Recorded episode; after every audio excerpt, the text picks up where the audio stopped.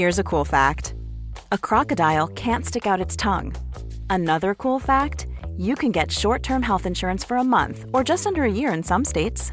United Healthcare short term insurance plans are designed for people who are between jobs, coming off their parents' plan, or turning a side hustle into a full time gig. Underwritten by Golden Rule Insurance Company, they offer flexible, budget friendly coverage with access to a nationwide network of doctors and hospitals. Get more cool facts about United Healthcare short term plans at uh1.com. Hey, I'm Ryan Reynolds. At Mint Mobile, we like to do the opposite of what Big Wireless does. They charge you a lot, we charge you a little. So naturally, when they announced they'd be raising their prices due to inflation, we decided to deflate our prices due to not hating you. That's right. We're cutting the price of Mint Unlimited from $30 a month to just $15 a month. Give it a try at mintmobile.com slash switch. $45 upfront for three months plus taxes and fees. Promo for new customers for limited time. Unlimited more than 40 gigabytes per month. Slows. Full terms at mintmobile.com. Det här är Bögministeriet, en gravt homosexuell podcast där ni får följa en grupp vänner som fläker ut sina liv i eten. Det handlar absolut inte om sex. Eller jo, det gör det. Men också en hel del om relationer, känslor, drömmar, frustrationer, ja, helt enkelt om våra liv tillsammans. Hjärtligt välkomna! Hej och välkomna till Bögministeriet. Mitt namn är Robin Olsson och jag sitter här med Anton Renström. Hej! Och våran eh, härliga gäst, Erik Galli. Hej! Välkommen hit. Tack! Vad kul! Alltså du är ju en eh, fantastisk journalist och tv-producent som sluta. Jo! som nu är, eh, som nu är eh, aktuell med eh, Under kniven, och den heter som är underrubriken en dokumentärserie om plastikoperationer och skam på SVT. Ja. Du hade premiär för några månader sedan, eller hur? ja, 12 januari tror jag. Du har liksom blivit, alltså, hur, nu kom jag på en annan fråga, hur bestämde någon Kör? Men, kör. men alltså du har ju liksom blivit känd Ja, på, alltså du, vi är nu liksom tre månader in i ett kändisskap. ja, ja, det, ja det kan man säga. Hur är det? Uh, alltså så känd är jag ju inte. Jo, Eh, jo då. Jo! Vi bara bygger upp det, du går därifrån liksom, Nej men alltså det, eh, det är ganska obekvämt faktiskt. Ja. För att, um, ja, men det, det som händer är ju typ att eh, jag blir stanna, alltså folk är väldigt snälla, Ja. ska jag säga. Men det är ju så här. eh, jag är ganska nyinflyttad i ett hus Ja. och det är så här, det har hänt fem gånger i hissen att en ny granne bara, förlåt, alltså när jag typ står med hörlurar i, Ja. bara så här, jag bara, förlåt vad sa du? Och den bara, Mm. nej men jag ville bara säga att jag sett din serie. Alltså jag, jag är ganska awkward i sådana situationer. Um, Är du en sån som tittar ut, alltså om du hör att någon är på, utanför din dörr, att du inte riktigt, alltså i trappen, då går inte du ut? Nej, nej, nej. Eh. Är du rädd för dina grannar? Alltså så här, egentligen är jag en sån person, Ja. men jag fattar ju att det är, man kan inte vara så hela livet, så Nej, jag det är liksom går ohållbart. emot det. Ja, men, eh, men precis. Eh, Jag tycker, ja. alltså så- när det gäller så trappuppgångar och sånt, jag bara, om jag, om jag kan undvika att träffa någon, då gör jag ju gärna det. Alltså men om jag hör att någon är, då ska jag, då, då går jag, jag Nej, du behöver Man vill ju inte stå i hissen med någon. Alltså, nej, men eh, nej precis, men det, det här är första gången jag har haft, eh, jag har liksom inte haft ett boende permanent, Ja. som ingen stockholmare har typ, men nu har jag det för första gången, och då känner jag lite så här: okej men nu, Erik du är 30, mm. du har, du kommer bo här kanske lång tid nu, Mm. nu får du liksom skärpa dig lite. Alltså Mm. det, det blir ju också pinsamt om man efter fem år typ på ett ställe fortfarande känner igen har- grannarna. inte känner igen grannarna, nej, för då är det så här, då fattar ju de att så här, den här personen gömmer sig. Så här, det känns ju så Det här, är typ det är jag, ännu pinsammare. jag, jag står verkligen i nyckelhålet och såhär, Ja. eh, man kan ju se det också, alltså det har ju typ fönster Ja. bakom, de kan ju se att något litet, Ja, litet öga är där och liksom Ja. så här, gömmer sig. Nej men det där, sen behöver man ju inte vara översocial med sina grannar och hålla på och chitchatta, men man Nej. vill säga hej, Ja. Och bara så här vanligt hyfs, eh, god morgon, hej, hej då, lite så, så att man inte, sen behöver man inte stå och prata i oändlighet. Nej men okej, kan, Nej. kan vi stanna där lite grann? Okej, så, så, eh, för eftersom jag aldrig, jag, jag tycker på riktigt det är jobbigt att åka hit, det är kanske min värsta grej. Också när man har då väntat, jag väntar på att någon eh, ser till att trappuppgången är, är fri, så går jag ut, ställer mig i hissen, och sen kommer, alltså vet jag bara "Ah, Mm. Hej hej, vad, gör, vad pratar man om i en hiss? Vad pratar du om, Erik? I hissar? Nej men nej, jag, jag, jag, jag vill ju sjunka genom hissgolvet då. Alltså bara rätt ner i schaktet typ. Det blir jättedåligt. Ja. Ehm, Hej? Ja men och oftast är ju, eh, det är ändå svenskar, det blir, de, det är ju inte alltid de är så bra heller i och Nej. för sig på att prata, så då är det ju mest bara obekvämt. Men det är också någonting, här, det hände senast nu när jag skulle hit, att en ny, en ny granne som jag bara, Ja. hör den här grannen, sa det här med att jag har sett din serie typ. Och då blir det alltid lite så här, de är oftast inte så bra på leveransen tycker jag. Just det. Eh, så då blir det mycket så här att jag säger så här, ah, så måste jag typ vara väldigt glad för det och så Just måste jag det. lägga på den här så här. Mm. Gud nu är det som att jag, det är inte synd om mig Jo, här, du är ett offer. Men, ja precis, det är så.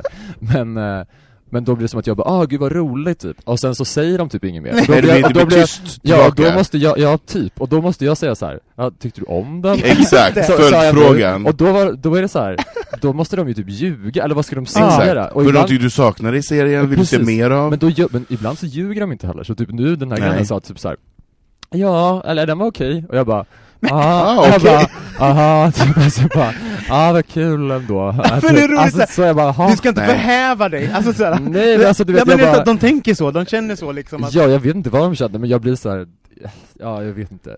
Det är Men det där är ju, det där är också så, varför tar du det sociala ansvaret? Ja Varför- det är det jag menar, om, de, de, de, om de säger så här, vi har sett din serie, vi, Ja. bara, vi vill bara Exakt. uppmärksamma att vi ser dig. Ja, Då borde du säga bara tack, och Tack. sen vara tyst. ja. Eh, vad kul, och sen får de säga så här komma med följdfrågan, det är de som har inlett Jag samtalet. vet, men jag, men precis, men jag, eh, jag är så rädd för att det ska bli tyst. Ja. Eh, Men Ja. det blir ju det. Men-. Med grannar tycker jag är så roligt, för att oftast har man, jag har ett par grannar som är, alltså vi har en sak gemensamt, vi har hund. Ja. Alltså, och ibland hamnar vi i hissen samtidigt, Ja. och så har vi inte hundarna med oss. Ah, nej. Och då blir det att man försöker liksom, Då pratar man om, ja men vi bara, vi liksom, vi graspar efter det här enda gemensamma, jaha, Mm. hur är det med, hur mår hund? Alltså man bara, Mm. ingen av oss vill veta hur den är, alltså jag bryr Nej. mig inte om deras Nej. mopsar. Nej. Alltså bara, ja. Men hör, hörni, eh, vi, vi, vi hoppar in i podden lite grann, vi drar igång med en liten jingle och sen ska vi få höra lite mer om programmet, men först ska vi lära känna varandra. V- Mm. Vem är du? Vad har du Ja. vuxit upp och liknande? Men vi börjar med en jingel. Ja.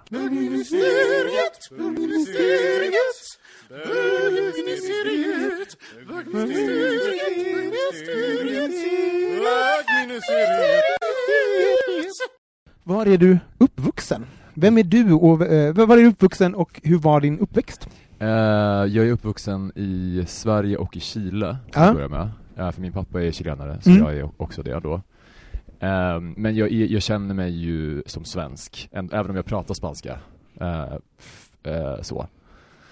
Eh, för jag har liksom inte riktigt koll på chilensk kultur och sådär. men jag pratar eh, spanska hemma. Ja, och Mm. jag pratade ju, jag gick ju i chilensk skola liksom, Mm. så jag, jag pratade ju spanska där. Mm. Mm. Eh, och, och känner min chilenska släkt och så. Mm. Eh, Tyckte det var så fint i serien när, när, eh, när din pappa pratar spanska och din mamma Mm. svarar på svenska. Ja, alltså det var, mm. man, Ja, men det man, man fick en skärva av Mm, hur ja, er, det det. er dynamik. Ja, och alla, det blir ju ganska mycket också att man blandar språken Ja. i sådana liksom konstiga mu- mutant Aha. eh, blandningar. Eller vad man ska säga. Ehm, men ja, hur min uppväxt var? Men eh, min uppväxt var ganska dålig skulle jag säga. Eh, som, alltså på bögsättet. Mm. Eh, dels. Och sen tror jag alltid, jag var lite så här.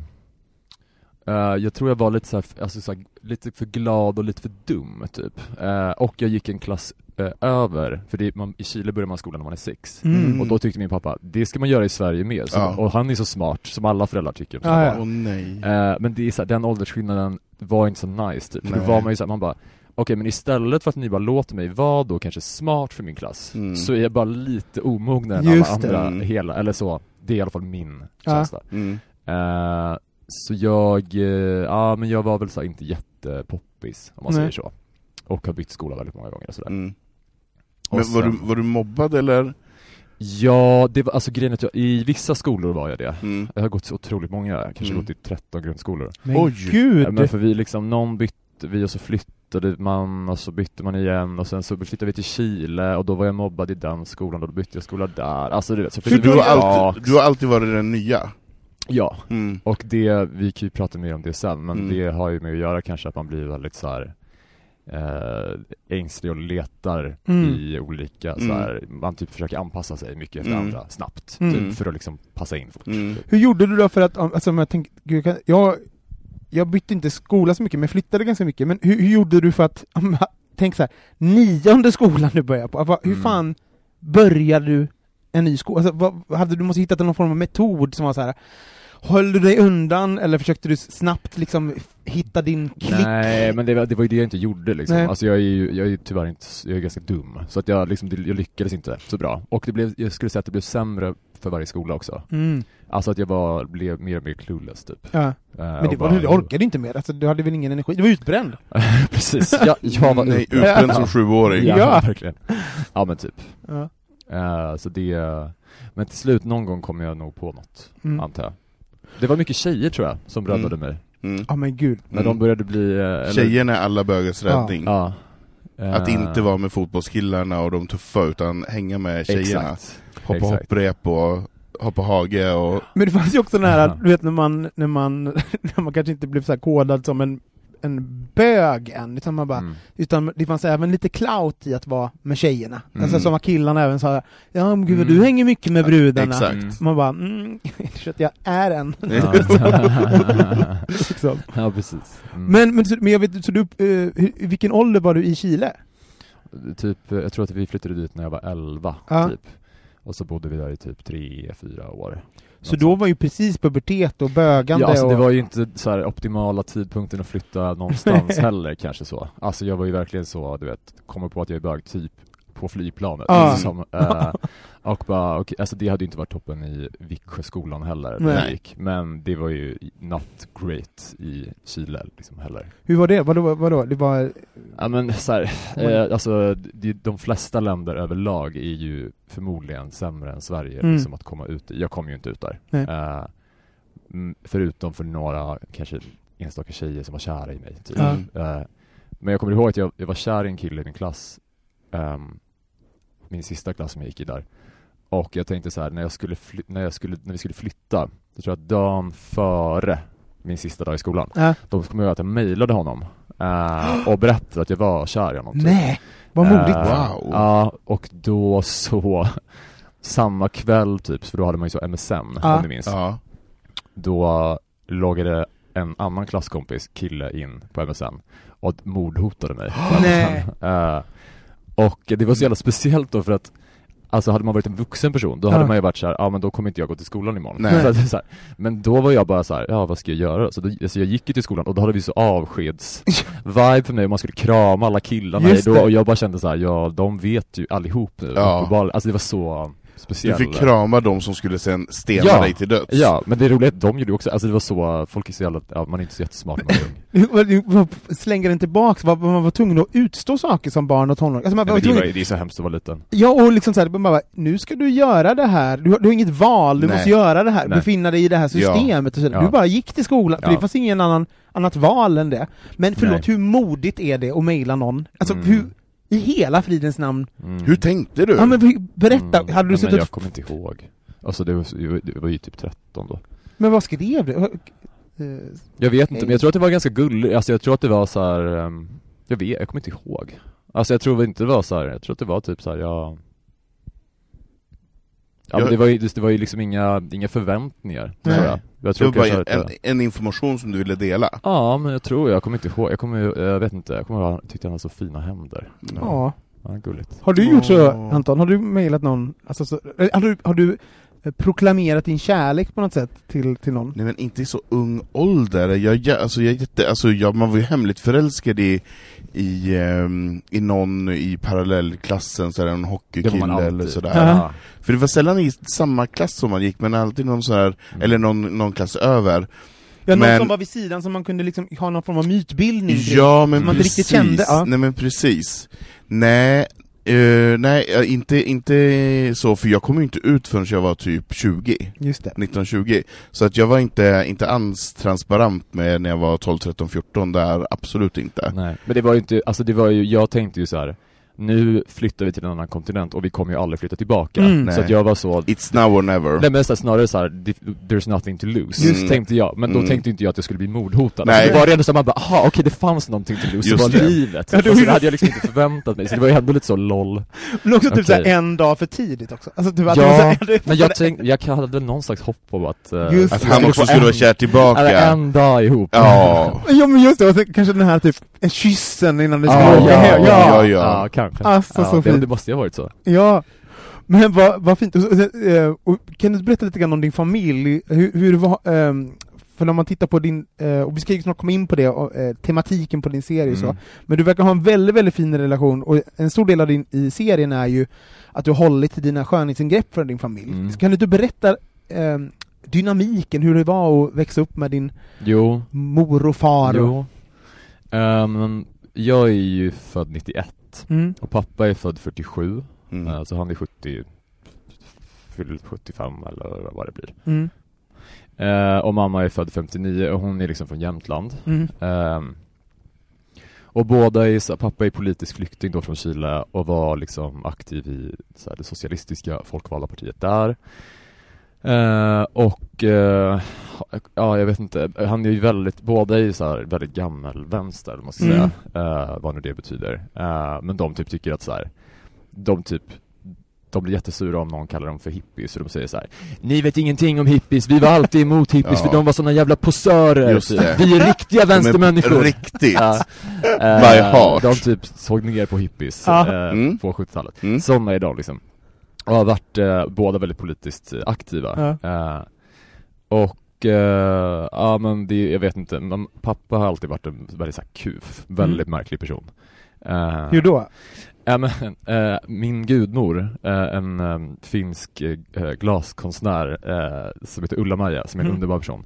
Hon är också min pappas ex, har jag fått reda på liksom i vuxen ålder. Jaha! Wow! Och de, och de träffades då, alltså mamma träffade honom via Ulla-Maja.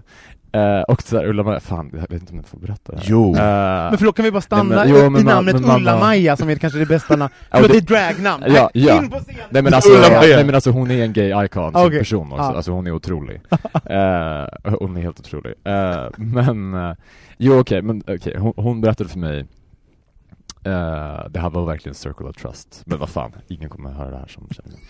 Eh, jo men så här, hon för jag var såhär, men hur träffade du ens min pappa? Och hon bara Eh, ja, nej men det var ju där på sluten psykavdelningen på Sankt Görans typ. Och jag bara, aha, eh, vadå, på, på vilket sätt? Hon bara, ja men jag har ju alltid haft äh, väldigt många vänner som har så här, tagit livet av sig, du vet så här, konstnärspersoner och alla har varit så jävla stökiga typ. Så jag var ju alltid där och rände och var och hälsade på någon. Det var skytteltrafik. Ja men typ. Ja. Eh, och hon bara, och någon gång så var jag där och skulle hälsa på någon vän och eh, då står, då är din pappa inlagd där, eller så här, han är liksom inspärrad där. Och står och hänger i något hörn och så approcherar han mig. Och då frågar han mig om eh, jag har något gräs att sälja till honom. Och hon bara, och på den vägen var det? Och jag bara, ah, okej, vad, vad, vad romantiskt. Typ eller så här.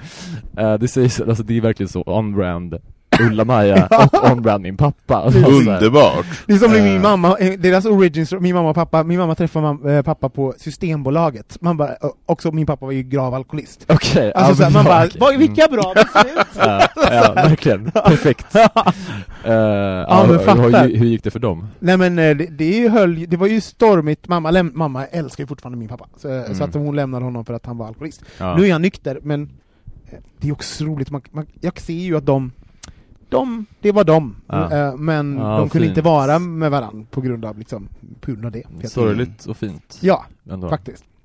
Ja men så, så du har din, din, din äh, jämtländska mamma Ja eh, men så här, ja för jag tror lite att så här, mamma typ, alltså jag tror att pappa var lite så här ett ufo men att han var ganska, alltså han var väldigt snygg. Ja.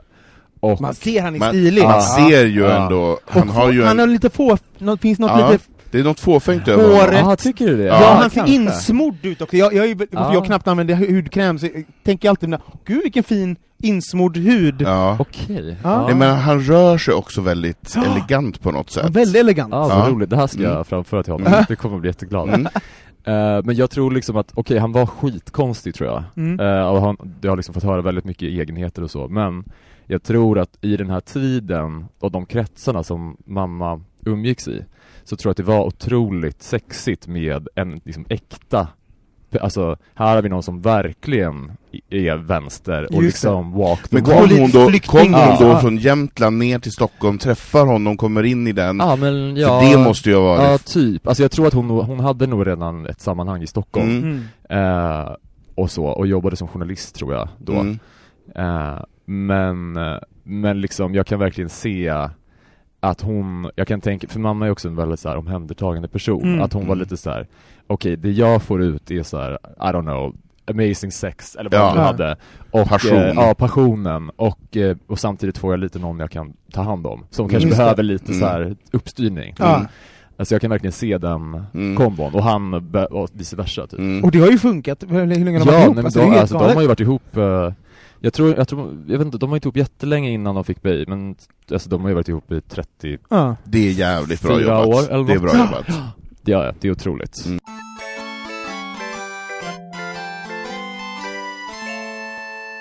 Eh, berätta, vad, vad handlar din serie om?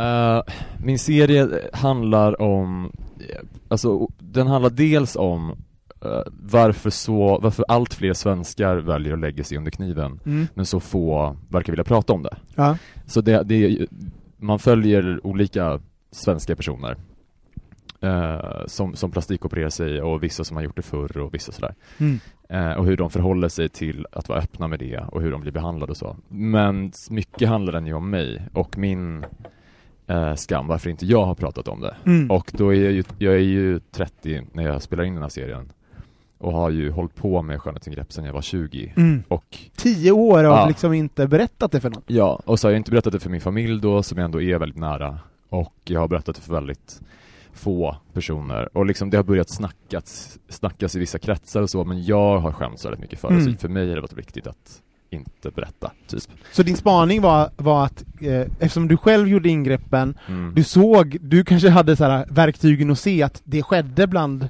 folk, men ingen pratade om det. Ja, och lite så här, det är lite meta då, jag vet inte hur mycket det framgår i serien, men det blir väldigt mycket så här. jag tänkte ju att jag skulle göra en serie om varför så många svenskar smusslar med det. Mm. Och det, det är ju, jag menar, jag jobbar ju i tv-branschen eh, och det här har ju du också sett, alltså när man vistas bland eh, kändisar och, och programledare och allt vad det är, alltså alla har ju gjort någonting, Ja, men det är ja. ju ingen som pratar om det. Nej. Nej. Men av förklarliga skäl då, de vill ju inte vara med i ett program där de outar sig. Nej. Så det jag insåg är så här: okej men nu blir det ju bara ett program om folk som har berättat om det. Mm. Och jag, är ju- det är bara jag då som inte har berättat om det, så det blir ju ganska mycket då ett program Mm. där jag får liksom använda mig själv och så här, Mm. men vad är det Mm. jag skäms för då? Alltså vad är, vad är problemet då? Mm. Men det är ju en jävla 180 från att gått i 10 år Ja. och Ja. inte sagt det till någon, och sen bara nej men, Nej men jag nu, tror ett tv-program där jag Eventuellt. berättar Ja, jag exakt allt om... Ja, jag vet. Alltså vad, det måste ju varit en...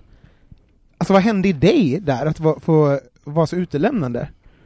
Det, ja men det låter så jävla lökigt, för det var ju inte syftet med det, men det har ju varit, min psykolog är så här, gud du har ju verkligen besparat dig liksom eh, 10-50 000 kronor i terapitimmar Mm. genom att göra det här, för det är Mm. verkligen så, alltså express-KBT. mm.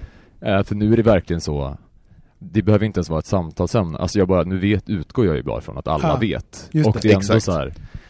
Man behöver inte tycka att skönhetsingrepp är bra, men nu är det ändå så, ja men nu vet ni att det här är ett problem jag har, Mm. eller att det inte är ett problem jag har, eller vad man nu Mm. tycker, så här, deal with it. Mm. Och tycker du att det är osexigt, då, ja då behöver inte jag veta det. Nej, Eller liksom, nej precis. Men- Men jag har en fråga så här.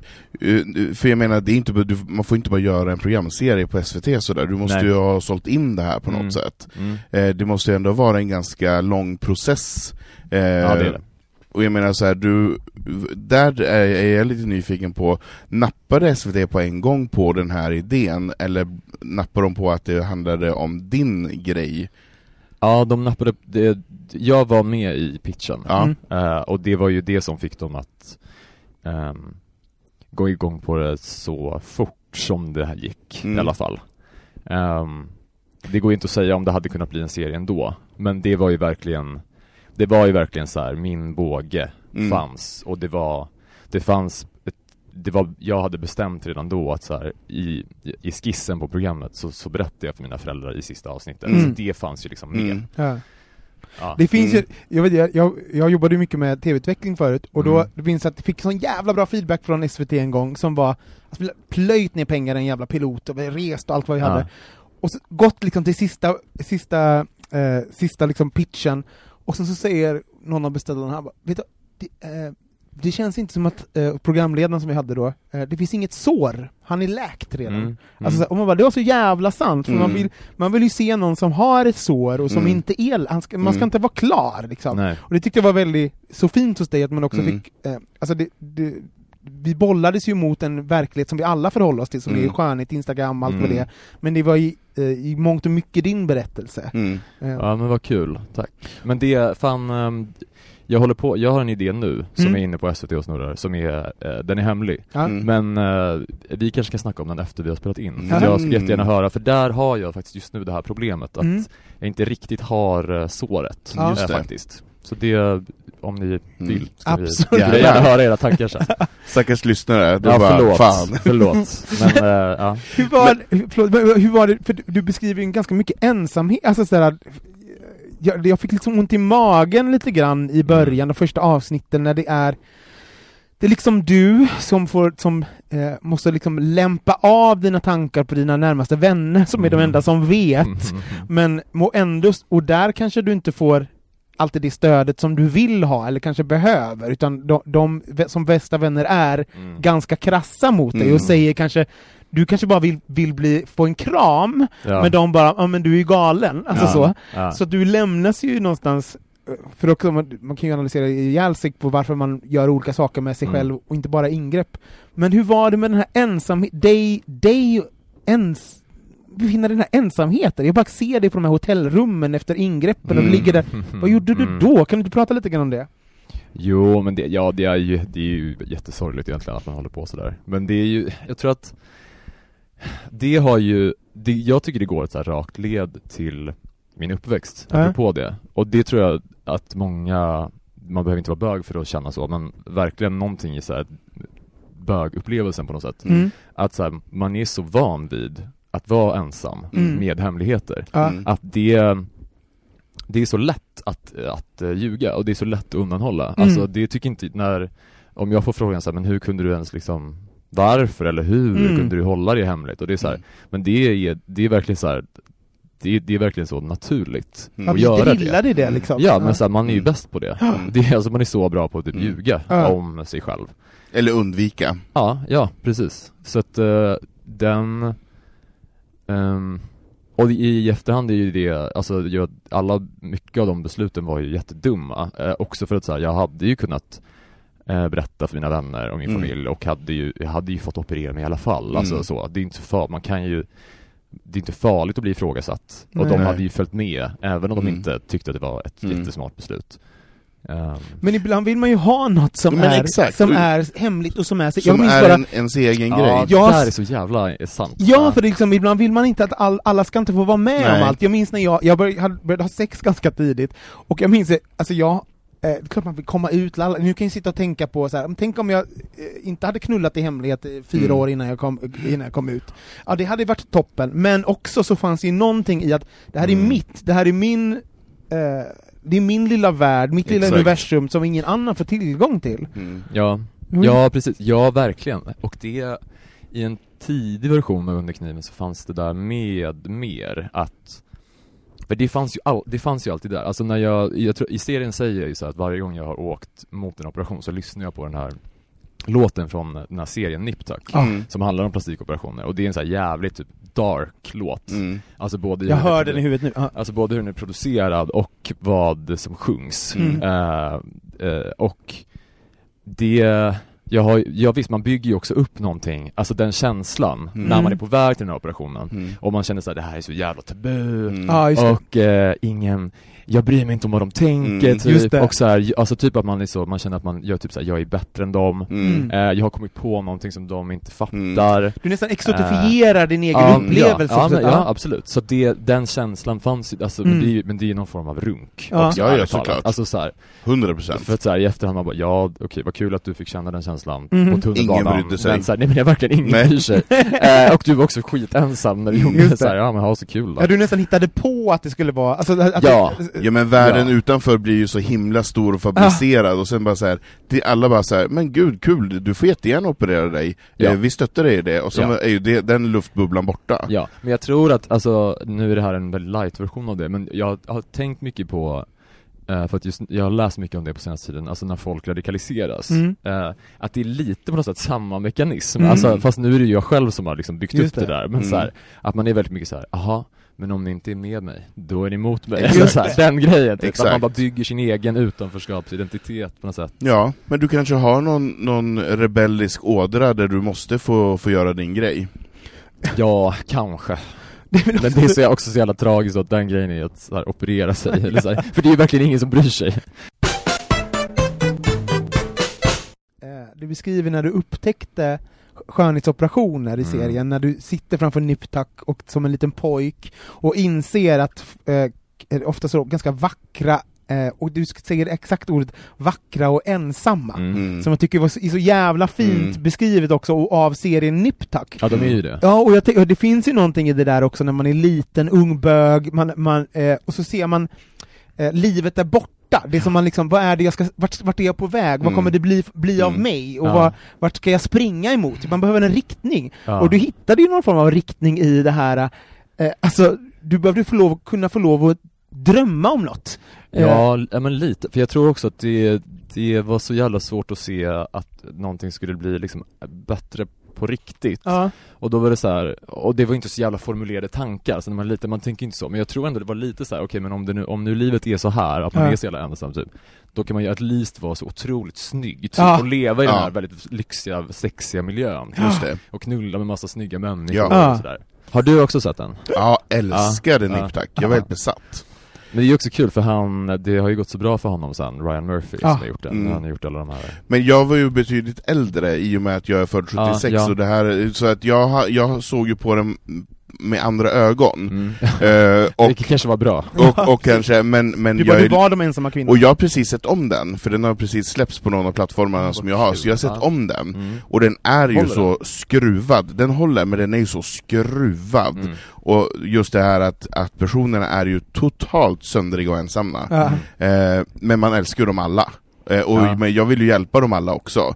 Och det kände jag också när jag såg serien, jag ville hjälpa dig på en gång, jag bara nej men det här måste vi reda ut. Ja. Jag kände på en gång bara så här, det här kan vi inte bara sådär, eh, det, jag fick nog så här faders, eh, moders eh, känslor och ville ta Men hand vet du om. vad, det är så, det är så vanligt. Mm. Eh, och apropå det här med mitt eh, så, citattecken kändisskap. Mm. Mm. Det som händer, eh, för att folk liksom, i, ibland så kommer det fram folk liksom som är i min ålder, typ. Men många tycker ju också att det är lite pinsamt att komma fram. Mm. Så att de som mest kommer fram när jag liksom är ute, det är medelålders kvinnor. Mm. Och de, det blir obekvämt för mig på ett annat sätt för att, jag menar, om man jobbar med TV så vet man någonstans så här, ja det är också en karaktär liksom, det är Mm. lite så här. Det, det är ett manus som är skrivet, alltså sådär. Jag har ju valt ut vad som ska vara med och det måste passa in i, alltså sådär. Det Kurerat, Ja, kurerad ja, ja version. det är det ju. Eh, och, och så, men det vet ju inte folk, så att folk, alltså det som händer är typ jag kanske sitter ner vid ett bord och dricker min öl och då så känner jag en hand på axeln så här, och så tittar jag upp så här. ja då så står det en kvinna där Mm. som tittar på mig med så här, typ den här emojin som har så här gråtiga Ja. ögon Ja. typ Ja. Eh, och eh, tycker att nu hon är min mamma Ja. typ. Och så säger hon så här: hej, eh, jag vill bara säga att eh, du är så himla himla fin Ja. och du duger precis Exakt. som du är. Ja. Och då är man såhär, man bara Aha, eh, bara, "Jag vet." Nej, ja, men, ja men typ att man är Alltså- såhär, ja men tack, typ såhär, men vem är du? Alltså såhär, Mm. och såhär, men du känner inte mig, eller liksom, och såhär, vad ska jag, så man bara, ja, ja det kan man inte säga, men då är det såhär, det blir så jävla typ Och jag blir såhär, du vet jag bara, jag vet inte vad jag ska svara typ Och så Nej. då får man ju vara såhär, men gud tack, Eh, det, det Mm. betyder jättemycket och sen i efterhand är det ju, det är ju klart att jag är glad att folk kommer fram och säger det, och inte typ såhär 'Alltså din serie jävla bög'. Ja. Jag menar det är ju det är ju endast de här kvinnorna som vågar, för de har kommit upp i den åldern där jag Ja. också är, där man inte skäms för saker längre, där man Ja. vågar säga vad Ja. man tycker. Ja. Jag menar en, en 18-årig kille som också har sett den, som kanske också skulle vilja säga samma sak, vågar ju inte det. Nej. Men har du varit ute i, i, har du varit ute i landet än sen, sen, pro, eh, sen serien släpptes? eh, har jag varit ute Alltså liksom i mindre orter och sånt? Då kan jag säga, det, är- det är där som det, det sker på Det är riktigt. där det sker på det är riktigt. då, det är då du kommer, för då är folk Ah, ja, ja, du inte rädda så. för att komma fram, utan Ah. då är det... Stadshotellet, du vet i. Arvidsjaur, Ja, och där nej, kommer... jag har inte det Alltså, Exakt. ja. Ja, jag var, jag var i Hovmantorp Ja. faktiskt, det är ju lite Var du liksom Madonna, Madonna av Hovmanstorp? Nej men jag tror inte att jag var på, gjorde inte stan Nej. Eh, Så att jag, nej, jag har faktiskt inte Svårt kanske i Hovmanstorp.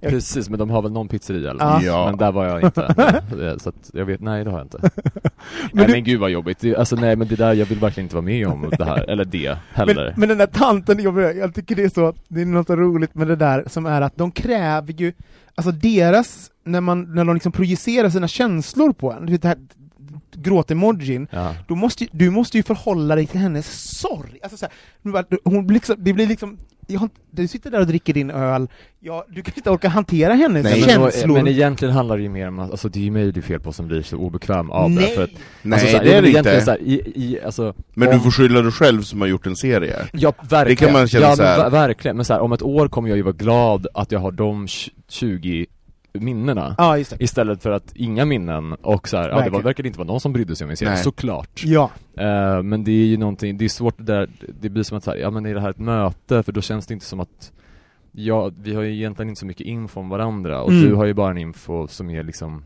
Som Mm. inte... en skärva av verkligheten Mm. Eh, s- ja. Har ni andra soundtracks till, Ja. du, eh, som ni gör? Att du, du lyssnar alltid på den Niptak-låten när du Mm. ska till plastikkirurgi. Mm. Har ni andra? Du har andra? Jo men alltså jag är ju ett barn av, av 80-talet, Ja. jag har ju soundtrack till Dallas, Falcon Crest, Dynasty, alla de här Ah. tar jag, alltid när jag har känt mig du vet lite så här mobbad, utfryst, ensam, då har jag alltid du vet så här, haft det där Dallas-soundtracket och känt mig som Lucy i Dallas med Just så här, mörkblåa jeans, cowboystövlar och trampat gatan fram och bara ingen ska, ingen ska få sätta sig på mig. Just det. Lite Lite, så här- det går med hälarna fram. Alltså, Men gud, Ah, stampa, stomp, stomp, stomp, stompa stomp. så Ja. hårt. För det är väldigt såna här äh, pampiga Many of us have those stubborn pounds that seem impossible to lose, no matter how good we eat or how hard we work out. My solution is PlushCare. PlushCare is a leading telehealth provider with doctors who are there for you day and night to partner with you in your weight loss journey. They can prescribe FDA-approved weight loss medications like Wagovi and Zepbound for those who qualify. Plus, they accept most insurance plans. To get started, visit plushcare.com slash weight loss. That's plushcare.com slash weight loss.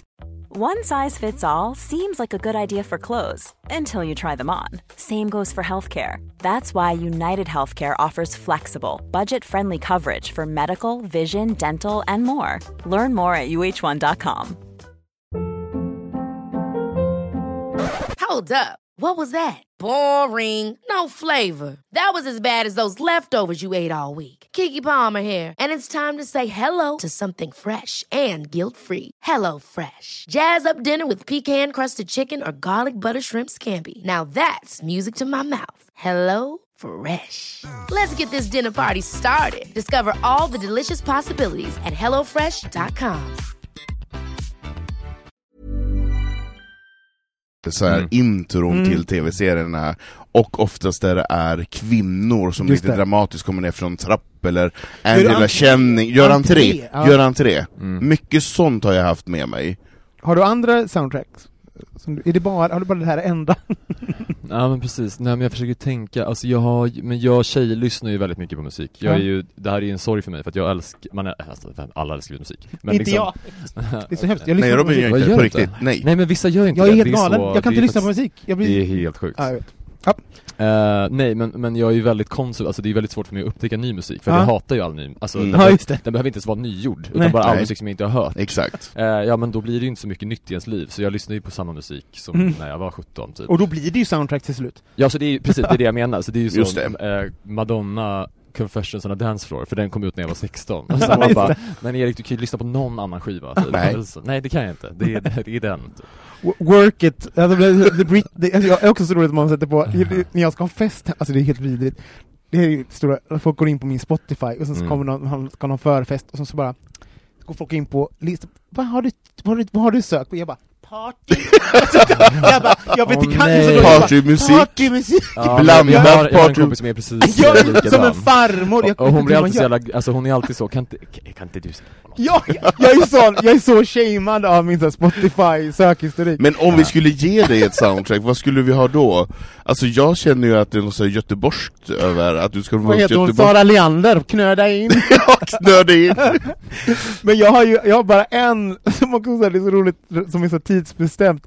När jag var 16, min kille, Nicolas, och så, så knullade vi mycket till Massive Attack. Ja, Uh, den här, den här, heter den Blue? Heter den Blue? Alltså, det var en sån här, jag vet Alltså är det den som är så här, ehm, den ikoniska Massive Attack-plattan. ja. Men igen, nu i efterhand, så, så, alltså det var ju så här ganska äh, Men det är den lång- som typ inte har någon text? Exakt, det var Ja. lite lugnt Ja, och det den var är svinbra ju jättebra, men också typ knull, alltså nu försöker jag tänka på hur, hur gjorde vi då? Tittade vi varandra, andades varandra i mun, alltså det, det, är bara, det är en sån, eh, det är en sån l- lunkig, eh, Mm. Men alltså det enda jag tänker på, är typ att jag inte vill höra svaret, men jag, alltså jag blir så jävla avundsjuk på dig som hade typ en kille när du var 16 Alltså, alltså jag blir jättesur Eh, För jag känner ju verkligen att så här, när kom du ut?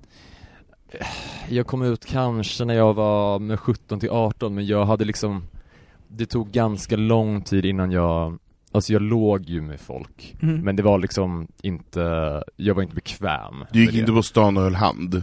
Nej alltså det var, nej det var jag var inte obekväm med att vara bög Nej. Utan jag var inte bekväm med eh, sex typ Nej okej. Och det, det, har inte, det hade ingenting med homofobi att göra eller så Utan det var bara att jag typ var blyg Alltså Ja, det är bara så gamla mobbperson Ja. tror jag, eller jag Ja. vet inte riktigt Ja. Eh, så att, och då blev det blev aldrig, det blev aldrig, jag kunde inte ha bra sex på väldigt, uh, gud vad det blev privat Nej men för, för, mig var, Ja. för mig var det Eh, tvärtom, för jag, ja. jag var i sån, jag var också jättemobbad, och när jag, eh, när jag, eh, jag typ satt i, i ett bibliotek hela min, min uppväxt där, och sen så, sen så när jag då i hemlighet eh, började, när jag var 13, knullade med en kille första gången, då var ju det 13? Ja, då, då vändes ju liksom jag bara, vänta nu, någon vill ha mig, alltså någon, någon sexualiserar Mm. mig. Det är som du, då, om du tänker, när du upptäckte nip, nipptack och det här, det Mm. kan förvandlas sådär, Mm. jag förvandlades genom liksom den där kuken Sexen. jag av. Ja, Ja, men ja, såhär, ja. för, jag bara, för jag, då, då fick jag se mig själv via någon annans ögon. Och det, det, på tal om det här när man gör, ehm, alltså kanske ville du ha din hemlighet kring, kring dina eh, skönhetsoperationer för dig Mm. själv ett tag. Mm. Och jag tror, eh, nu i efterhand kan man bara, ko- toxiskt att jag eh, låg med killar så ungt, lalla. Men jag tror för mig också så var det fanns det en räddning i det, som var så här. jag vet inte vad jag hade gjort om inte jag hade haft, fått den där lilla Du ventilen. fick ändå utforska det för dig själv också Ja, exakt. Och, jag, och i ganska många år så tyckte jag det var ganska kul Men alltså vad, är det så toxiskt? Alltså det är inte, alltså vadå, skulle man ligga, man må, alltså Även en straight måste ju inte liksom ligga och bara berätta det för alla hela tiden Jo. alltså, Jo Jo men tänk, tänk så alltså är det. straight De gör i och för sig, alltså straight är så eh, perversa De är jätteperversa. All skit vi får Det är från heterosarna. Ja men så att de, alltså de, de borde verkligen kastreras kemiskt. Alltså, men typ, alltså jag, jag, ehm, för några år sedan, jag, jag pluggade en gång till när jag var typ 27 uh, Vilket var toppen, men då var det verkligen, alltså då satt jag ju, när man läser A-kurserna på Mm. Stockholms universitet typ Sitter man i någon jävla aula, och då är ju folk lite yngre, men de är ju kanske 23 Ja. ändå Nej men då sitter liksom folk och grovhånglar på en föreläsning Ja, såklart. Alltså som jag typ filmar och lägger upp på Instagram Och det är så här, det hade ju inte två bögar gjort Nej. Alltså in a fucking typ, alltså Nej. daylight Ja, ja. föreläsning Alltså så respektlöst och du vet distraherande och så här, kanske låter typ ja, Men jag menar, där har ju, jag menar bögar får ju bli beskyllda för väldigt mycket med, med eh, dark rooms och bastusex och så Ja, vidare. men det är ju ändå men i vi kan ändå behave i, i det allmänna rummet. Ja, och, och så här, okej Någon kanske har knullat i en buske någon gång Men det är ändå en På sin- buske! Exakt. Du behöver inte gå in i busken, alltså fan håll dig utanför buskarna. ja, men alltså straighta är ju, de är ju out of control så- Kaniner. ö, På tunnelbanan Mm. Det ska hånglas så Mm. mycket, hela jävla tiden ska det Men hur är du själv med, med öppen, eh, alltså med öppen eh, affection? Alltså, känn, Eh, jo men jag har, alltså så här, jag har inga Jag har inga problem, jag, jag har nog ganska lite eh, ga, inte noll, men jag har ganska lite liksom internaliserad homofobi, ja. lite kanske Eh, Men så att jag, det har jag inga problem med i sig, men det är ju allt, alltså Däremot är det ju eh, Det är ju den här lite mer sorgliga andra grejen att man är lite så vaksam, Mm. typ Mm. Eh, Men det är ju mer en överlevnadsstrategi, Mm. alltså den är ju inte Den är ju inte Nej. toxisk, Nej, utan den är ju mer sorglig att det ska behöva vara så. verkligen. Det var en sån krock mellan mig och mitt ex som eh, vi gjorde slut kanske för fem år sedan, så det var min första så här, långa relation, Mm. och jag är uppvuxen i orten i Göteborg, så jag har alltid haft en sån där, alltså att vara bö, jag har alltid varit jättesuperöppen från ganska ung ålder, men jag visste ju också att det, det, det tillkommer ett eh, eh, hot om våld kring det. Mm. Eh, Medan han var uppvuxen i Karlshamn, alltså, så här, och så här, eh, borgarfamilj och allt vad det är, har aldrig känt liksom ett hot om våld. Nej, Och okej. det var en sån här konst, du vet när vi, när vi blev ihop så, hur, hur vi förhöll oss till kvällen och till natten, när man Mm. liksom, för honom var det, han såg aldrig hot någonstans, och jag såg hot runt varenda hörn. Mm. Ehm, och liksom man navigerar det tillsammans när man är kär, för att också så här, någon försöker ta ens hand, och, Mm. Ja. och jag släpper den, Mm, ja. för att jag är typ, "Ja, men du, jag ser att inte du ser det där gänget där borta, men jag ser ja, det men gänget. exakt, Mm. exakt. Ja.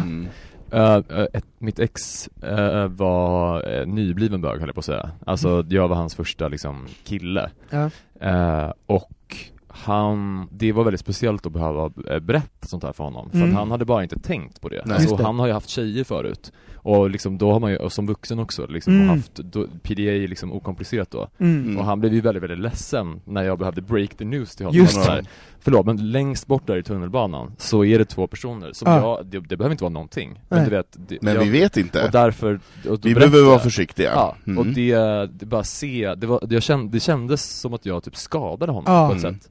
Eh, faktiskt. Så här ser Mm. världen ut, Ja, för att jag överförde ju, jag, det man vet ju inte heller så här, är man över, man kanske är överkänslig, Ja. Eh, egentligen. Och nu överför jag den Ja. Just det. känsligheten på honom. Just det. Ehm, vilket också Mm. kändes ganska hemskt. Han, han, på ett sätt var ju han mycket oskyldigare innan eh, han träffade mig då. Men, men ni var i samma ålder eller?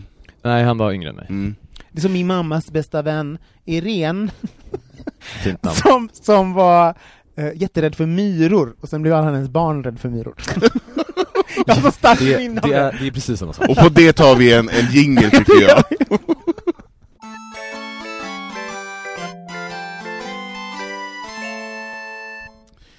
Jo men vi har ju ställt några frågor, eller vi, vi berättade för våra l- lyssnare att du skulle komma och gästa oss. Mm. Eh, och då har det rasat in lyssnarfrågor. Är det sant? Ja, de Gud, är väldigt nyfikna på att veta dina svar på de här. Så roligt. nu gäller det att ta en klunk vin Eh, och ja, ett andetag så du kan svara på de här frågorna.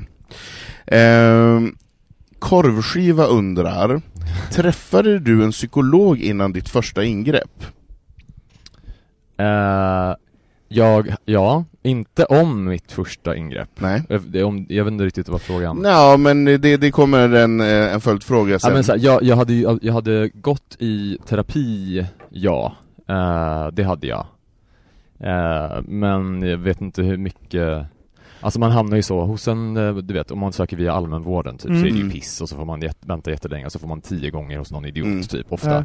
Ja. Eh, och så får man en halvtimme varje gång så är det KBT, så får man en läxa hem typ. Mm. Att, ja, typ sån terapi hade jag Mm. gått i. Mm. Men du hade inte liksom, du hade inte kopplat så här, hej, hej psykolog, eh, jag vill prata med, med dig om eh, min vilja att plastikoperera mig. Och vi ska fokusera på min, eh, be, eh, quote unquote, besatthet om detta då. Mm, ja, mm, jag kommer faktiskt inte ihåg, det är möjligt att jag hade gjort det, men grejen är att jag har inte heller, alltså det har aldrig riktigt varit ett mysterium Nej. Alltså det är aldrig som att jag har tänkt så här.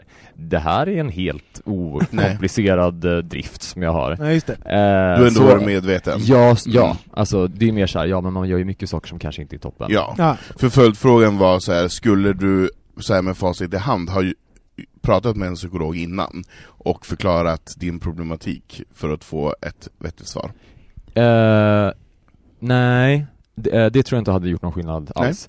För jag tror inte det hade, mm, nej, det tror jag Mm. inte hade gjort någon skillnad. Men det finns ju också, jag tycker det är så roligt också när folk formulerar frågor, för det kan också finnas så här problematik och liknande, för, för det är också, det är, saker är problem och man ser det som ett problem. Alltså det finns ju också ett folk som, se, eh, och jag tänker, du har ju en ganska, men uppenbarligen, vad var det, åtta ingrepp, Mm. men också, man är ju olika avslappnad inför tanken för att Mm. eh, operera, så att säga. Mm. Så det finns ju någonting i det, så här, om det inte är ett problem, why make it one?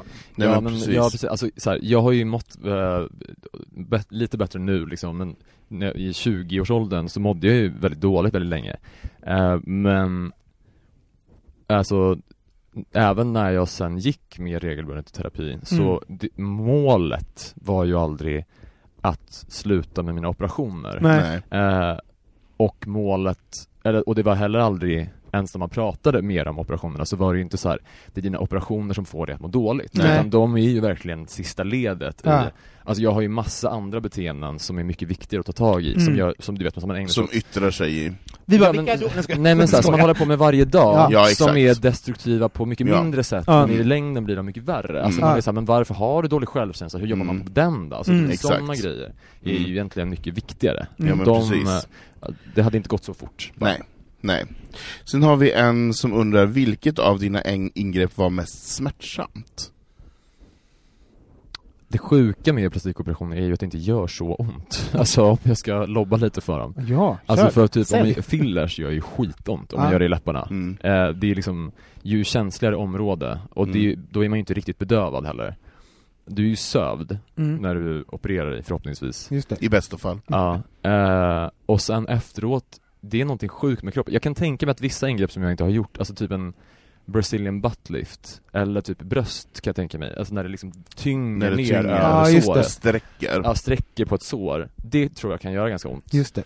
Men så här små ingrepp, eh, oftast i Sverige får man bara Alvedon utskrivet. Mhm. Och det räcker. Alltså man har typ inte, det känns typ som att ha jättemycket träningsverk. Mm. För det ser ju ut som att man har blivit ehm, Misshandlad. misshandlad. Ja, men det är någonting, jag tror att, jag vet inte hur kroppen funkar, men det är när det inte längre är akut typ, då, man kan inte ha permanent jätteont. Just Nej. det. Så jag tror, Nej, kroppen orkar inte det. jag tror att man sån, nej precis. Så vilket var det smärtsammaste för dig då? Det smärtsammaste tror jag var när jag gjorde näsan första gången, det här Mm. säger jag inte i serien, jag, eh, då valde jag, eh, det var ju, jag valde den kirurgen. Nej men jo men typ, för att jag valde det ingreppet för att det var en väldigt billig kirurg. Mm. Dåligt val, Mm. eh, eller dåligt kriterie. Eh, Och det var billigt bland annat därför att man inte var i narkos, utan man var i det som kallas för lätt sedering och det, Men det är en legit sak som Ja. finns, och man kan välja det om man är rädd för narkos eller om man eh, inte tål det av någon anledning och Men då, bryter man inte näsan och sånt? På, Jo men alltså grejen är att lätt sedering, man är, man är sövd Ja. eh, Men man är inte, alltså när man är i en riktig narkos, då andas man ju inte själv Nej, alltså man är då är det verkligen ju, så här, exakt. det är liksom, det är ju en narkosläkare Ja. Du har lämnat över förtroendet. Lätt sedering, då är det mer som att du typ är roppad, alltså de har Mm. stoppat i dig massa, de injicerar typ massa, jag vet inte vad det är, opiater eller någonting, Mm. så att du är däckad Mm. eh, Men det som hände då var ju att jag vaknade Ja. eh, under operationen eh, Så att jag, och då är man ju, jag bara vaknar av att det är så helt svart, jag har typ ett skynke över mig, jag ser ingenting, man är ju riktigt jävla hög också Ja. på någonting eh, Typ heroin, Ja. tror jag, eller någonting eh, Och så bara känner jag så här. Nu gör det jävligt ont här i näsan Och jag känner att någon bankar med en hammare, alltså i det men, Ass. men grejen är, och det gjorde skit, skit, skit ont Men grejen är att man, jag var så hög Så att jag brydde mig inte så mycket, alltså jag var så här. Åh jävlar vad det gör ont nu Ja. Och då säger jag till, uh, ut i rummet, jag bara Hörni nu gör det väldigt ont Och då kommer en sköterska och klappar mig på armen och säger så här, Gud vad bra att du sa till gubben, då ska du få lite mer Och så sprutar de in någonting och sen däckar jag igen. Nej, Och det får jag ändå säga var, åh, då hade jag ju mest ont, men jag har också brytt, brydde mig noll Ja. Alltså det är inget trauma nej. Men det är ju något, det är ju något i den situationen när man ligger så, alltså jag kan. Det är sjukt ändå att tänka att jag kunde prata Ja! alltså, det är ändå, det Alltså är för sjukt. nu har man ju sett någon jävla CSI eller någonting någon gång som bara I can't talk, jag känner allt Nej men men det finns kan... en sån scen i Nip Tuck Ah! Ja det gör det. Nick! Ja det gör det. Åh gud. Ja, Tänkte fan. du på den då när du, när du insåg att... Nej, jag, jag tänkte bakom. på den, för det är med ett kort klipp ur den tror jag i serien, Mm. även om de inte nämner det, och jag Mm. tänkte på det då, att så här, det här var verkligen tur att jag kunde prata Ja, gud. Ja, det, för man tänker ju att så här, banka i skelett gör ändå lite ont. Det är något Ja. i det, brytandet, alltså Ja. bankandet, och man ser, i Niptap får man ju se mycket när de går in med de här, Det är så jävla grovt Ja, det är väldigt, väldigt grovt. Ett litet stämjärn. ja man hör, ting, ting, Ja. ting. Exakt. Ja. Ja. Ja. men eh, på tal om näsoperationerna så har vi då här eh, en som frågar, hur har det gått med vongolen? Och då måste du Eh, berätta lite grann för de som inte har sett. Ja, eh, vad ja men vongolen efter är min för första någonting. näsoperation så fick jag som, dels blev den dålig estetiskt men jag fick också som en så här medicinsk biverkning att eh, jag blev väldigt så här täppt och liksom permanent eh, rinnig i näsan Ja. eh, och eh, liksom behövde snyta mig hela, hela, hela tiden Mm. typ och eh, det är, jag skulle säga att det är bättre nu eh, min andning är lite bättre Mm. Eh, för, men, men för att de liksom har Det som hände då var att min tipp liksom kollapsade lite, Mm. så jag hade liksom lite avhuggen nästipp och då blir näsan lite ihoptryckt. Mm. Mm. Den är ju liksom lite, det är som att man har satt en tältpinne i nästippen nu, så Ja. den är ju liksom lite ut, Den är jättefin. tack. Mm. Men och det har ju gjort att det är lite lättare att andas bara att den är liksom Mm. lite ut, det är, ja men tänk ett tält som man stoppar en pinne i. Ja. Just det. Eh, men sen har jag också faktiskt börjat permanent, det finns en nässpray, man ska ju inte ta nässpray varje dag. Nej. Men det finns en Ändå nässpray, skönt. ja, men det finns en nässpray som bara hjälper mot rinnsnuvan. Aha. Vad är det? Eh, Förlåt, jag är värdelös. Atrovent nasal heter den. Nu får man, det får man säga för nu är det inte public service. Eh, och den är inte lika problematisk, det står också på den, man kan använda den en längre tid. Just det. Eh, och den använder jag varje dag. Ja. Eh, så att jag har, nu lever jag med mitt issue typ. Mm. Ja. Och det är, ju- det är lite bättre, och med nässprayen blir det bra. Mm. Typ. Mm. Men så här, jag är väldigt känslig för typ allting som är stark, stark mat, borsta Mm. tänderna, kyla. Typ. Just det. Eh, då blir jag eh, snorig. Mm. Ja. Men vongolen, hur, hur uppstod den bara för den här lukten då? Ja just det, det sa jag inte. Ja, Nej. precis. Nej men det var ju ett tag eh, mitt, ett ex till mig eh, sa när vi liksom, någon gång när vi typ hånglade så kommenterade han och sa liksom att det luktade eh, skaldjur Mm. ur min näsa när Mm. jag andades ut. Eh, och det, det, var så jävla, det var så speciellt också för att Och alla förstår ju den doften. Ja, ja och det vill man inte höra. Och Nej. dessutom så är det så att jag, det som jag fick som diagnos efter den här operationen var att mina näsmusslor var permanent svullna. Mm. Eh, och det är liksom ett organ som jag inte visste att man hade. Nej. Eh, Alltså ni har ju också näsmusslor. Ja. Eh, och, jävla ord. och jag var tvungen att, ja, jag var tvungen att googla det då. Det är Ja. liksom nä, näsans halsmandlar, Mm. typ. Okej. Och så att jag har ju varit och liksom tagit bort delar av dem två Ja. Just gånger det. i allmänvården. Just det. Eh, och det har inte riktigt blivit så bra ändå. Nej. Eh, men det var bara pikant att det liksom luktade skaldjur av ens näsmusslor. Ja. Så att, alltså jag var, Jag måste ja. ju också säga att, de, där, de där stunderna när du var liksom lite hudlös och var, vågade, du kunde också vara, du- var ändå en del av den här processen, du kunde valt att inte ta med det i programmet, för Mm. att det, är så här, man bara det här tycker jag är jobbigt, det var, det var guld. Men det blir inte lika kul då. Nej, och liksom så här, då, då blev det också så här, du ställde någonting på, det, någonting stod på spel för dig, Mm. att du var, eh, du var hudlös, hudlös på det sättet, det var väldigt fint. Mm, Mm. Tack. S- eh, vi lämnar skaldjuren tycker jag. Ja. Ja. Eh, Conny Bäckström, våran kompis, Ja. har ställt en fråga om hur ofta lägger du Erik fillers? Ehm, det är en ganska svår fråga, för att jag, eller det finns inget svar på det snarare. Ehm, det finns ingen regelbundenhet. Alltså jag, ehm, jag började göra fillers när jag var 20 typ, och då började jag med läpparna, och då Mm. var det väldigt mycket så groupon, alltså Mm. kuponger, billighetsgrejer Ja. liksom. Och eh, om man kollar på bilder på mig från när jag var typ 23, 24, 25 så hade jag jättemycket större läppar Mm. än jag har nu. Mm. Alltså så. Nu har jag, jag har inte små läppar naturligt, ska sägas. Alltså jag har ganska stora läppar naturligt. Och nu är de, eh, det som, eh, sen slutade jag göra det, eh, typ när jag var 26 kanske.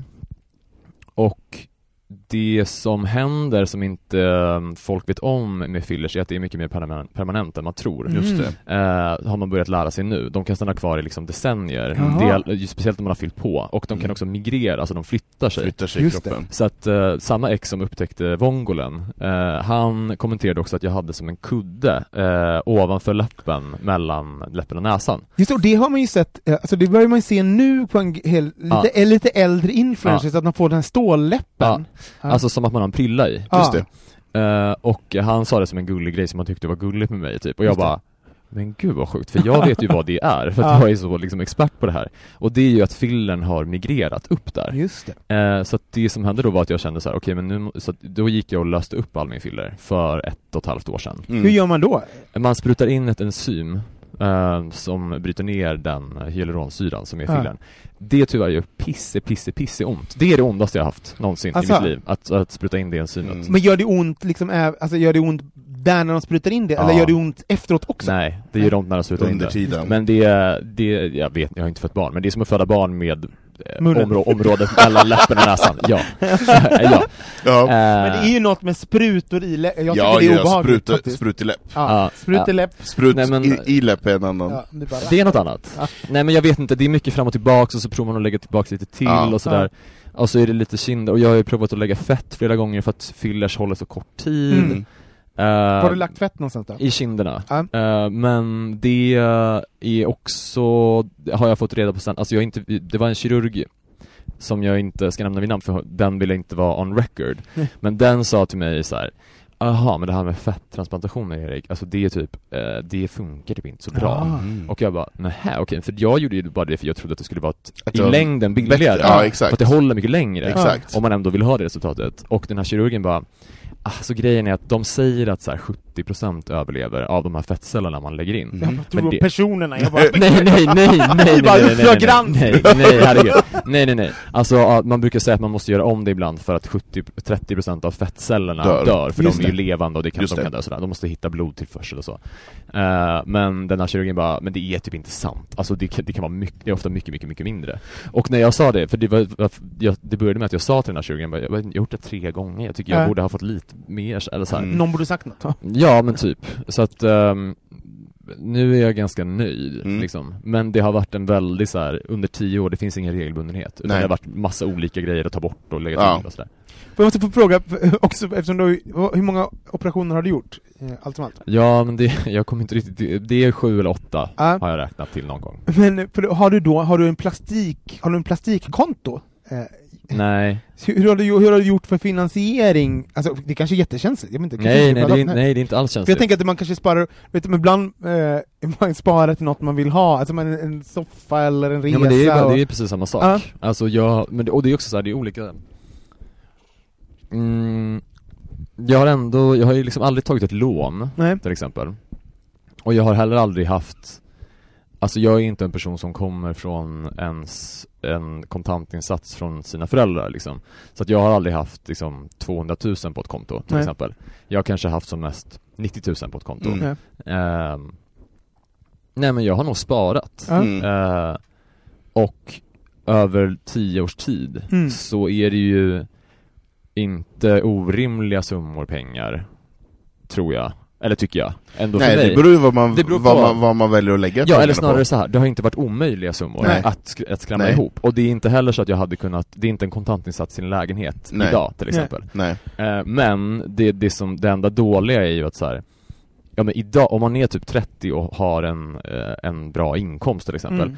om, ja men om du vill lägga 40 papp på någonting, Mm. ja men det är upp till, det är upp till dig liksom. Mm. Men så här, när jag var 20 eller 23, Mm. då var jag liksom låginkomsttagare. Mm. Och då, jag offrade ju alldeles för mycket av mitt privatliv. Alltså jag Just hade ju det. blivit mycket, eftersom jag också var en väldigt olycklig person, Mm. var det jävligt dumt att jag typ Mm. så, jag borde ju typ ha åkt på en underbar semester med mina kompisar, Just eller du vet, unna dig gå på restaurang istället Mm. för att leva Ah. som en råtta och sen Ja. operera pannan typ. Ja. Alltså jättedålig Just det. prioritering Mm. liksom.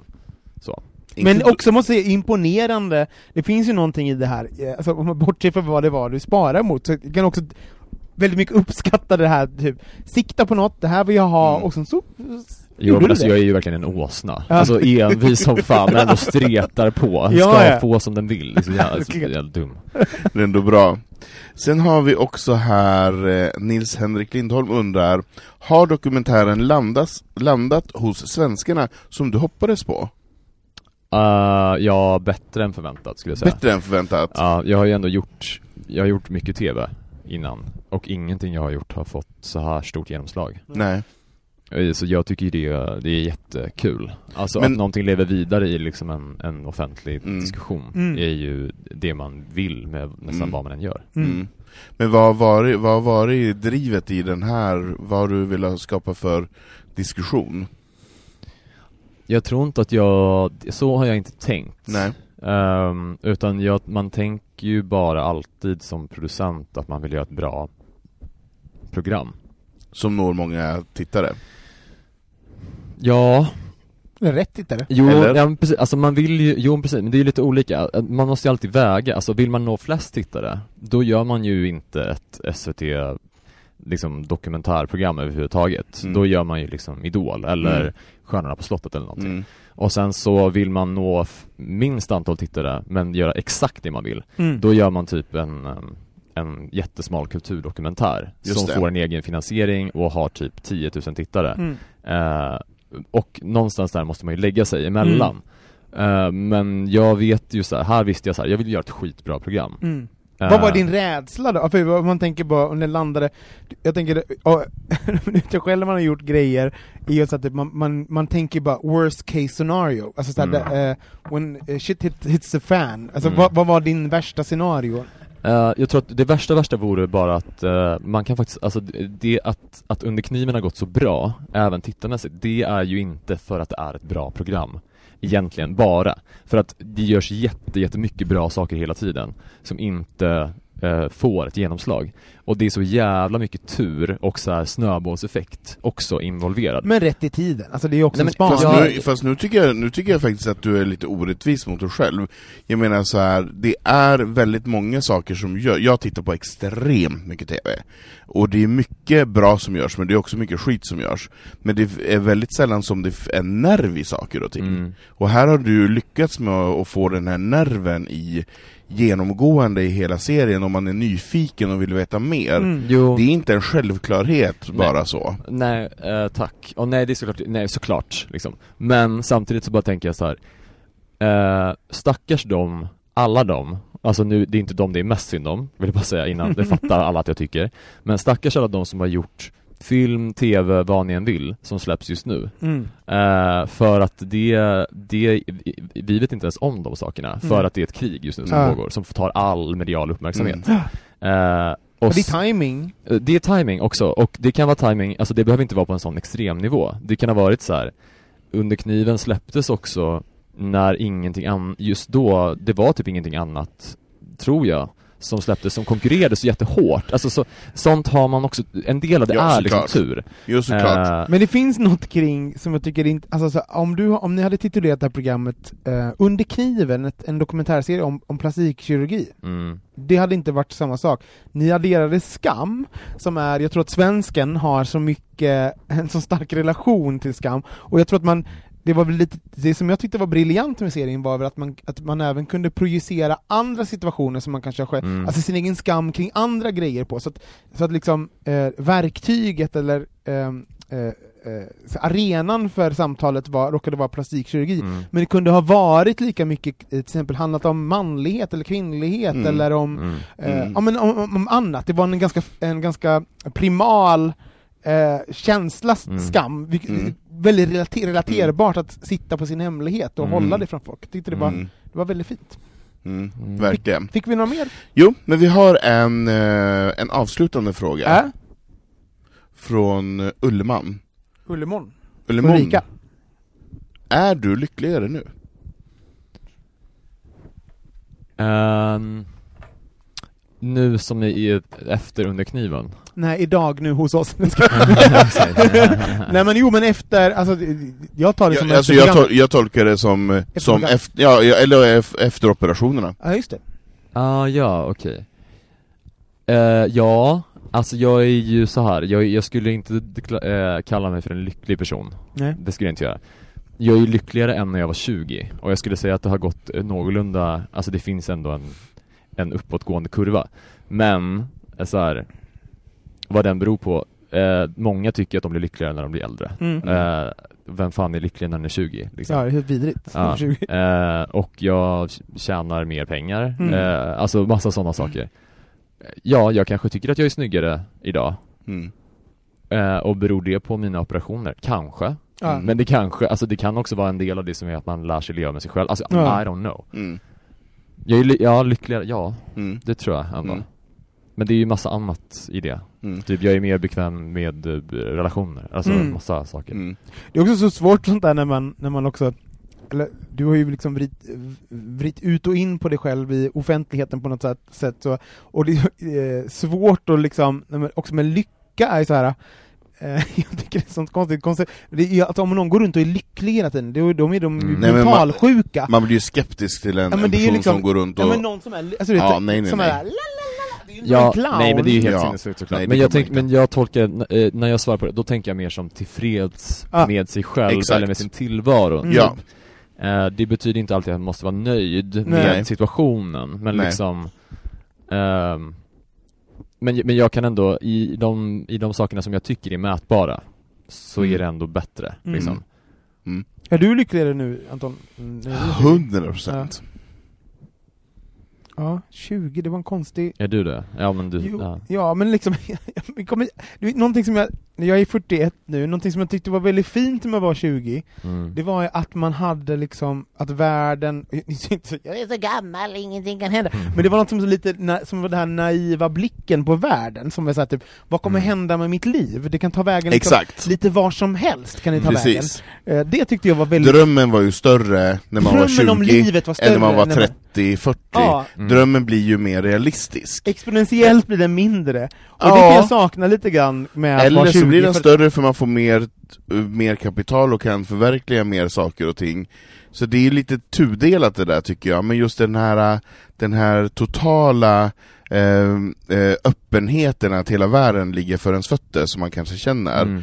eh, och krav och så vidare, den känner man ju inte, den, det, det krymper ju lite grann med åldern. Mm. Det är jobbigt också, för det var också det som var jobbigt att vara 20 var så här, ja, ah, det kan bli vad du vill! Exakt, bara, helt vidrigt. vidrigt. Man bara, förlåt, kan vi få någon form av ramverk kring livet? Exakt. Liksom. Mm. Ja, gud. Mm. Men det känns, också, det, det känns som att du var en early bloomer också.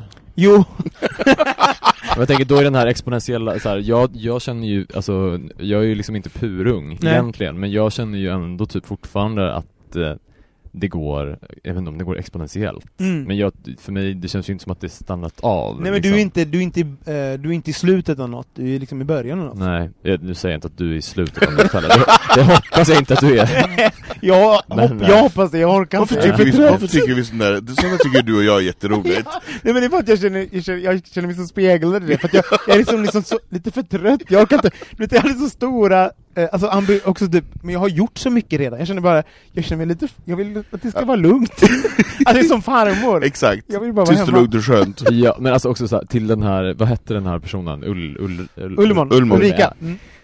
Alltså, ja, jag är lyckligare, men så här, eh, liv, alltså, livet är så jävla jobbigt. Ja. Alltså man, man hatar ju att leva också. Ja. Fy fan vad jobbigt det är. Ja. Man är så, Det ska man behöva ingår, hålla det på ingår med att hata livet.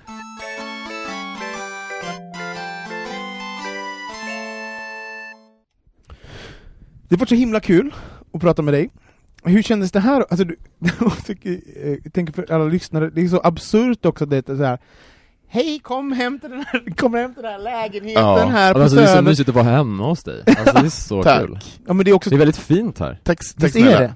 Du, var kan man följa dig eh, om man vill eh, hänga på ditt liv och eh, staka dig? Eh, men då, man kan väl, uh, jag googlar inte mig för det tycker jag bara är pinsamt, eh, vad som dyker Det upp. kommer alla göra. Eh, ja, nej men det, ja precis. Men Ja. eh, Instagram kan man ju följa mig på. Ja, vad heter du där? Eh, Erik Galli. Var kan man följa dig Anton?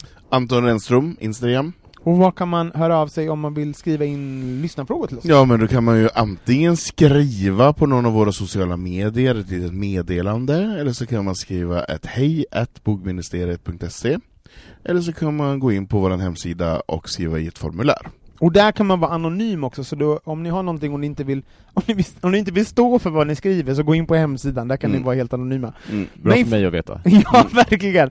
Mig följer ni på @olssonrobin, vi heter @bogministeriet i alla sociala medier. Tack Erik för att du Tack kom hit! Erik! Det var jättekul. Ja, det var så himla trevligt! Någon gång hoppas jag få komma tillbaks. Det får du!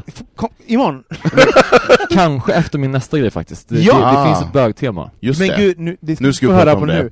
Hej då alla! Hej då! Nu ska ni få höra Ska vi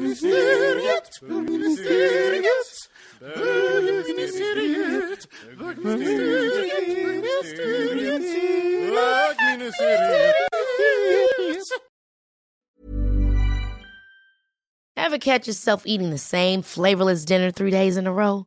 Dreaming of something better? Well, HelloFresh is your guilt-free dream come true, baby. It's me, Kiki Palmer. Let's wake up those taste buds with hot, juicy pecan-crusted chicken or garlic butter shrimp scampi. Mm. Hello Fresh. Stop dreaming of all the delicious possibilities and dig in at HelloFresh.com. Let's get this dinner party started. If you're looking for plump lips that last, you need to know about Juvederm lip fillers. With Juvederm Volbella XC and Juvederm Ultra XC, your lip look, whether it's subtle or bold, can last up to one full year with optimal treatment and no additional maintenance. Find a licensed specialist and see if it's right for you at juvederm.com today. That's J U V E D E R M.com. Add fullness to lips in adults over 21 with Juvederm Volbella XC or Juvederm Ultra XC. Do not use if you have severe allergies or a history of severe allergic reactions, or if you're allergic to lidocaine or the proteins used in Juvederm. Tell your doctor if you have a history of scarring or taking medicines that decrease the body's immune response or that can prolong bleeding. Common side effects include injection site redness, swelling, pain, tenderness, firmness, lumps, bumps, bruising, discoloration, or itching. As with all fillers, there's a rare risk of unintentional injection into a blood vessel, which can cause vision abnormalities, blindness, stroke, temporary scabs, or scarring. For full important safety information, visit juvederm.com.